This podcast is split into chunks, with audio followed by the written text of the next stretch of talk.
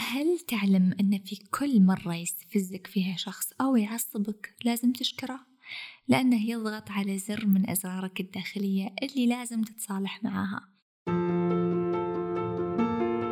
أهلا وسهلا فيكم في أول حلقة من الموسم الثالث من بودكاست نفس. أنا سماح العثمان مدربة في السلام الداخلي ومدربة تقنيات العلاج بمجال الفكرة. ركز معي في حلقة اليوم لأن فيها كلام عميق. خذ نفس وخلينا نبدأ. موضوع اليوم ممكن تستغرب منه أو ممكن ما تفهمه كأول مرة. لذلك أنصحك تسمع هذه الحلقة أكثر من مرة لأن في كل مرة بتفهمها بشكل أعمق وأكثر. خلونا بداية نتكلم عن قانون كوني أساسي وهو قانون الانعكاس. إيش يقول هذا القانون؟ يقول أن كل ما هو في الداخل كذلك في الخارج. أي شعور أنت بداخلك راح تلقى نفسك محاط فيه بالخارج. عندك غضب بالداخل راح تقابل ناس عصبيين.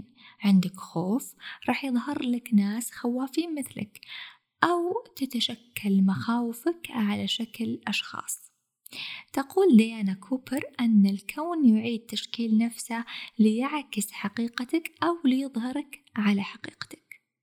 ومن هنا أوجدت مصطلح الأزارير الداخلية وهو ينص على أن أي شخص يستفزك أو يعصبك أو يحرك أي شعور سلبي فيك هو باختصار ضغط على زر داخلي خفي عندك. كل مرة يضغطه أحد. تقوم أنت بردة فعل قوية مثل الغضب، التأنيب، مشاعر العار، جلد الذات إلى آخره من المشاعر، وهذا الزر له قصة. هو في الأصل ما كان موجود لما أنت انولدت ولكن مع الوقت والأحداث في حياتك تكون هذا الزر بسبب صدمة تعرضت لها. مثلا شخص تربى في بيئة فيها تعنيف أو عدم احترام للطفل فتكونت عنده مشاعر داخلية غضب تجاه أهله. بالتالي تكون عنده أو يتكون عنده زر داخلي هذا الزر اسمه زر الغضب. يكبر هذا الشخص وهذا الزر موجود فيه. أي أحد يكلمه أو ينتقده أو يتكلم بأي شيء ما يعجبه ينضغط على هذا الزر بسرعة فتلقى ردة فعله قوية. ممكن يتنرفز بسرعة يعصب بسرعة يكون شخص حساس. ليش؟ لأن هذا الزر فعال وراح يظل فعال ومن السهولة أن الناس اللي برا تستفزك طالما أن أزرارك مفعلة. وكل ما كانت أزرارك كثيرة كل ما كنت شخصية حساسة. لذلك الأشخاص الحساسين لازم تكتشفون الأسرار الداخلية اللي تعكس مشاعر عندكم قديمة. لذلك تطلع في كل مرة مع الشخص اللي يضايقكم أو يزعلكم. طيب من وين تكونت هذه الأزرار؟ هذه الأزرار زي ما ذكرت هي عبارة عن صدمات أو مواقف أو أحداث مرت عليك في حياتك سببت لك مشاعر سلبية. هذه الصدمة تكون كزر داخلي خفي عندك وفي كل مرة تتعرض لنفس الشعور هذا من أشخاص خارجيين راح يرجع يظهر لك هذا الشعور. يوه كلنا أزارير يا سماح شو نسوي؟ أنا عارفة وهذا شيء طبيعي بس من الوعي إنك تبدأ تنتبه عليها.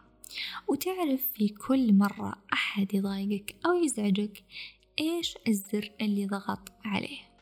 مثلا طلعتي مع أصدقائك ولما رجعتي تذكرتي إن فلانة قالت لك كلام وضايقتي منه.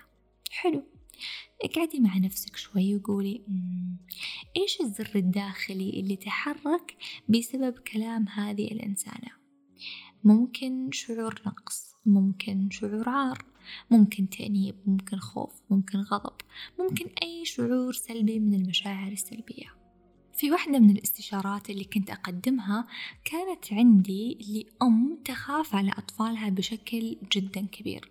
وفي الحقيقة هم ما عادوا أطفال هم بالغين فوق 18 سنة ولكن هي لسه تعتبرهم أطفال. المهم كانت ما تتقبل أي انتقاد على أولادها وتخاف خوف شديد إن أي أحد يتكلم عنهم أو يعلق عليهم أو يعلق يعلق على سلوكهم أو كلامهم أو أي تعليق بأي شكل كان.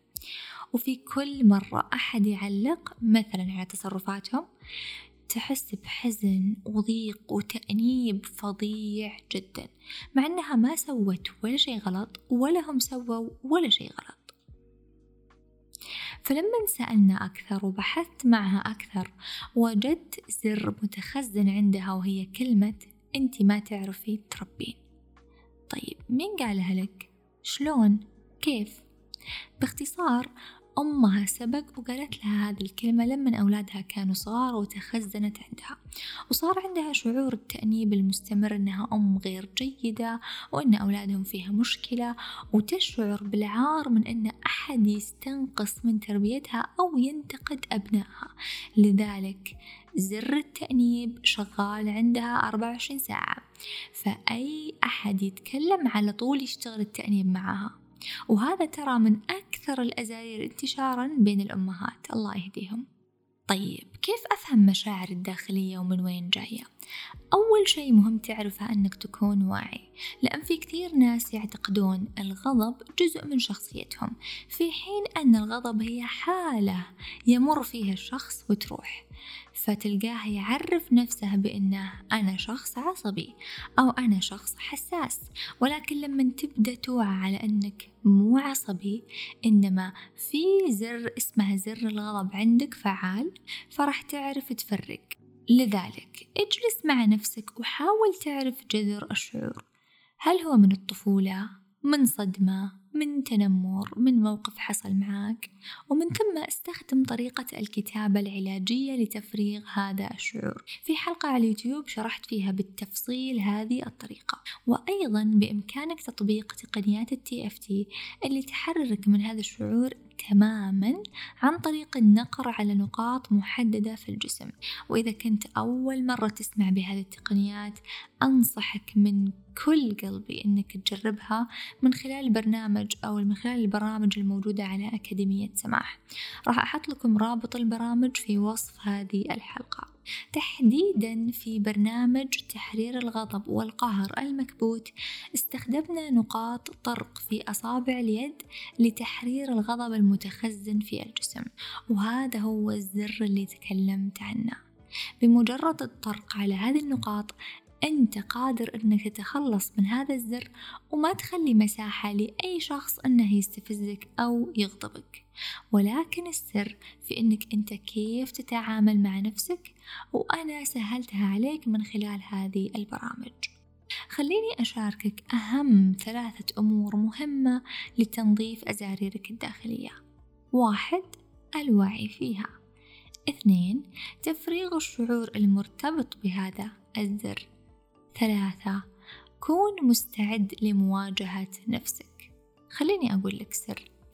فقط الأشخاص الواعيين والأقوياء والشجعان هم اللي قادرين أنهم ينظرون للداخل عند المشاكل.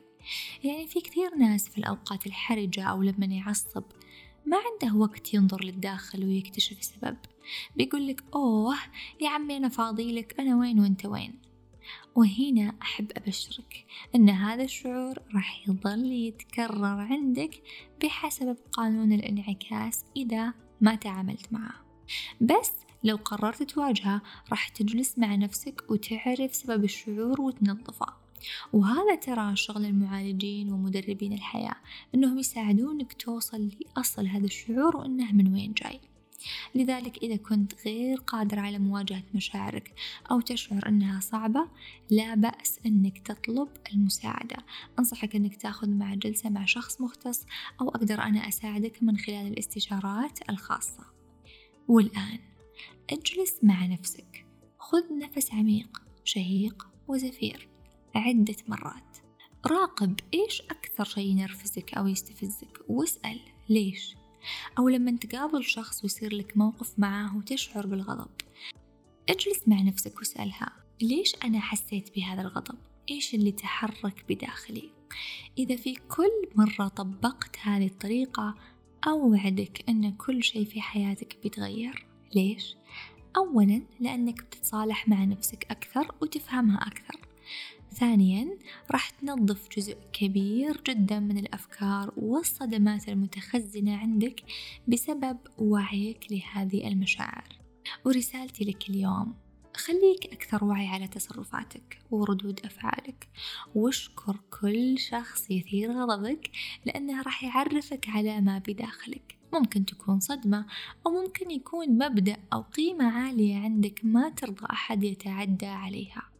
وهنا يجي دورك أنت في أنك تفرق بينهم. وقبل ما أختم لا تنسى تشارك هذه الحلقة مع شخص عصبي بس لو عصب عليك أنا مالي دخل. يعني ممكن تنبهه لا أكثر. ولا تنسى أيضا تشجعني وتضع لي تقييم خمس نجوم على منصة البودكاست حتى أقدم لك دائما الأفضل. وفي الختام خلونا نسأل الله سبحانه يعلمنا كيف ننتبه لما في داخلنا. وكيف نفهم رسائل وجود الناس من حولنا وأحداث حياتنا بكل سهولة ويسر وحب؟ لننتقل من حال إلى حال أفضل بكل سهولة. وأنا ألقاكم في الحلقة القادمة اللي عنوانها كيف أضع حدود في علاقاتي؟ في أمان الله.